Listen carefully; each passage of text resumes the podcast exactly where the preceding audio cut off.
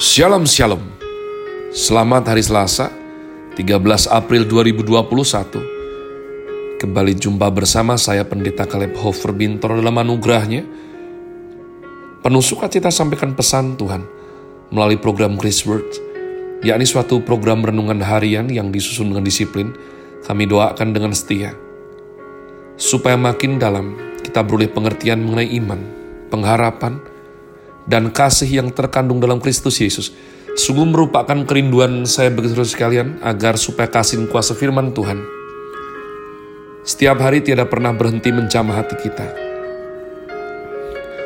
Menggarap, mentaklukkan pikiran kita kepada Kristus, dan paling utama adalah kehidupan kita boleh sungguh berubah menuju Christ likeness. Masih dalam season summer dengan tema guide Chris Word hari ini saya berikan judul Assassin bagian yang keempat. Saya rindu jika engkau tidak faham kenapa kok memakai judul Assassin umat Tuhan ya. Supaya tidak terkesan asal keren atau bagaimana Anda bisa cari Chris Word uh, Assassin bagian yang pertama. Mari kita membuka daripada keluaran Fatsal 20 ayat yang ke-13. Ini adalah 10 perintah Allah Keluaran Fatsal 20 ayat 13, jangan membunuh. Jangan membunuh, kita sedang memperdalam, mempelajari, ya, daripada Matius Fatsal 27, saudaraku bisa baca, digabung dengan perintah keenam yakni jangan membunuh. Jangan membunuh bukan berarti kita tidak boleh membunuh binatang. Sejak sebelum hukum keenam diberikan, Tuhan sudah mengizinkan manusia untuk makan daging binatang. Tuhan Allah tidak mengizinkan manusia membunuh manusia, tetapi mengizinkan membunuh binatang. Manusia yang membunuh sesamanya jauh lebih kejam dari binatang. Hampir tidak ada, ya, mungkin misal ada hanya sebagian kecil, yakni binatang yang membunuh binatang yang sejenis dengan dia maka lebih tidak patut lagi jika manusia membunuh sesama manusia. Tidak ada binatang yang sekejam manusia. Binatang ketika membunuh mangsanya, secara naluriah Tuhan memang menciptakan, ia membunuh dengan cepat dan memangsanya, atau menggigit punuknya, bagian saraf utamanya sehingga kehilangan rasa sakit, baru memangsanya. Dalam catatan kriminologi umat Tuhan, kau akan bisa menemukan berbagai macam manusia sering kali membunuh dengan begitu keji, begitu kejam, tega. Tuhan Yesus berkata pada Injil kepada kita semuanya, apa gunanya seorang memperoleh seluruh isi dunia, namun kehilangan nyawanya? Matius 16 ayat 26 itu berarti manusia jauh lebih tinggi nilainya dari seluruh isi dunia ini. Oleh karena itu, Tuhan Yesus mengajarkan kepada manusia untuk menghargai sesamanya, mulai dari menghargai orang tua, lalu menghargai semua orang lain. Peta dan teladan Allah merupakan alfa dan omega manusia. Peta adalah potensi diri, sementara teladan merupakan tujuan. Peta atau potensi Tuhan Allah menyebabkan tujuan hidupnya seperti Allah, meneladani Kristus. Di dalam perjanjian lama, manusia setara dengan manusia lainnya. Di dalam perjanjian baru, manusia lebih besar dari dunia dan seluruh isinya.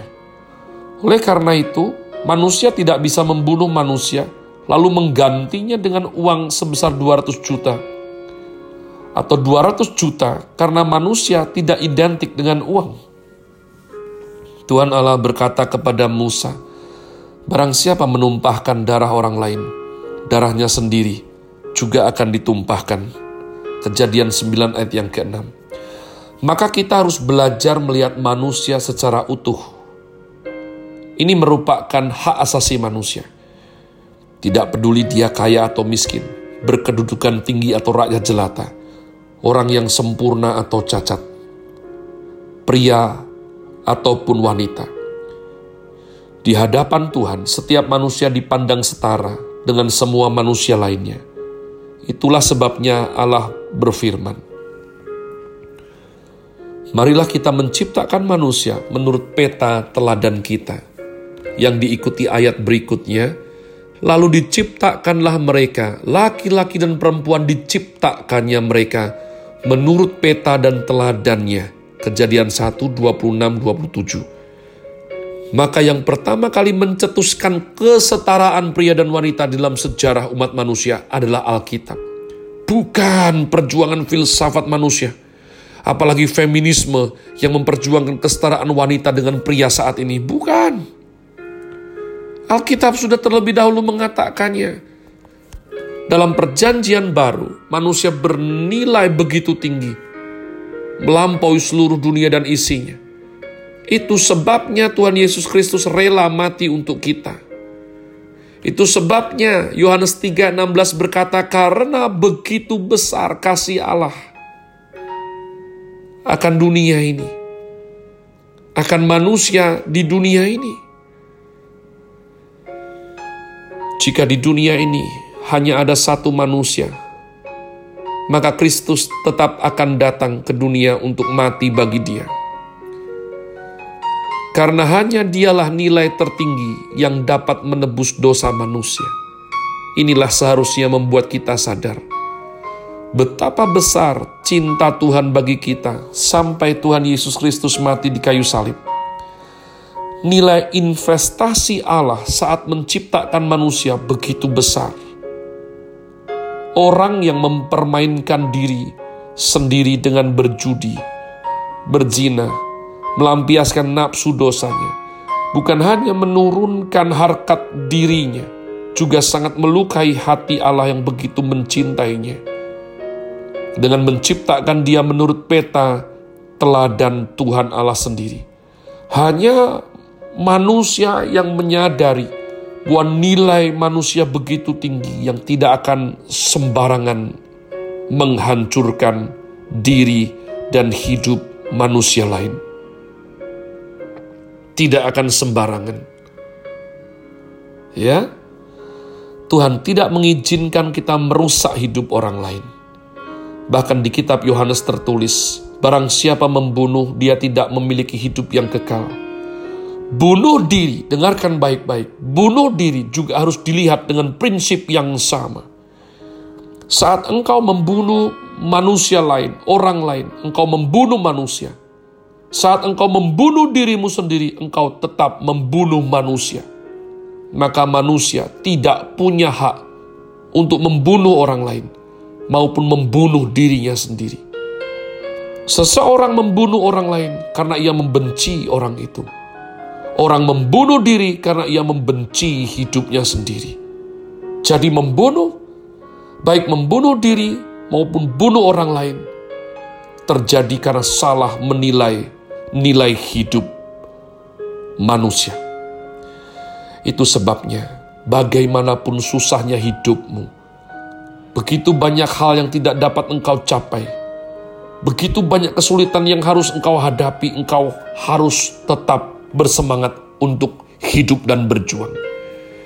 Jangan pernah mempunyai pikiran bunuh diri. Niat bunuh diri itu datang dari iblis yang selalu mau melecehkan nilai martabat manusia. Ciptaan Tuhan yang dicipta menurut peta teladan daripada Tuhan Allah itu sendiri jadi di sini kita melihat bahwa konsep pengertian orang Kristen berbeda dari semua ajaran agama dan pikiran orang sekuler yang belum mengenal firman Tuhan. Umat Tuhan, saya berani berkata bahwa harga nyawa kehidupan manusia itu paling tinggi.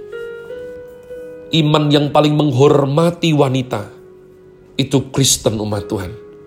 Maaf, pelajari dalam sejarah, pelajari dalam ajarannya, dalam kitab sucinya.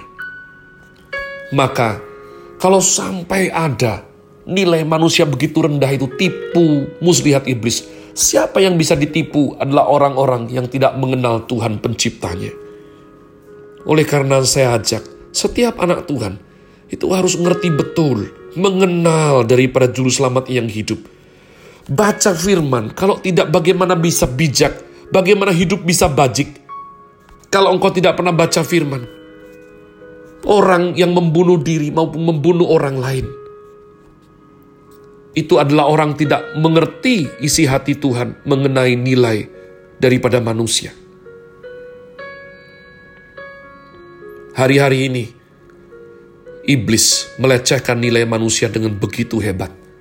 Perdagangan manusia, pornografi, industri, ya, daripada pornografi, industri daripada lokalisasi, seks di generasi kita. Ngeri sekali, ngeri sekali umat Tuhan. Bahkan ada kalanya binatang-binatang tertentu lebih mahal harganya daripada harga manusia. Kenapa bisa demikian? Tipu muslihat iblis. Saya bersyukur dan saya berseru. Hanya ketika nilai manusia itu dikembalikan dalam kacamata penciptaan, sesuai kitab suci ajarkan, yakni kita dicipta seturut peta teladan Tuhan Allah barulah kita mengerti betapa tinggi dan mulianya makhluk ciptaan yang bernama manusia itu. Dan kita tidak akan sembarangan lagi. Dan tidak akan mau ditipu oleh iblis lagi mengenai nilai serta martabat sesungguhnya daripada ciptaan Tuhan yang paling mulia ini. Have a nice day. Tuhan Yesus memberkati saudara sekalian. Sola. Grazie.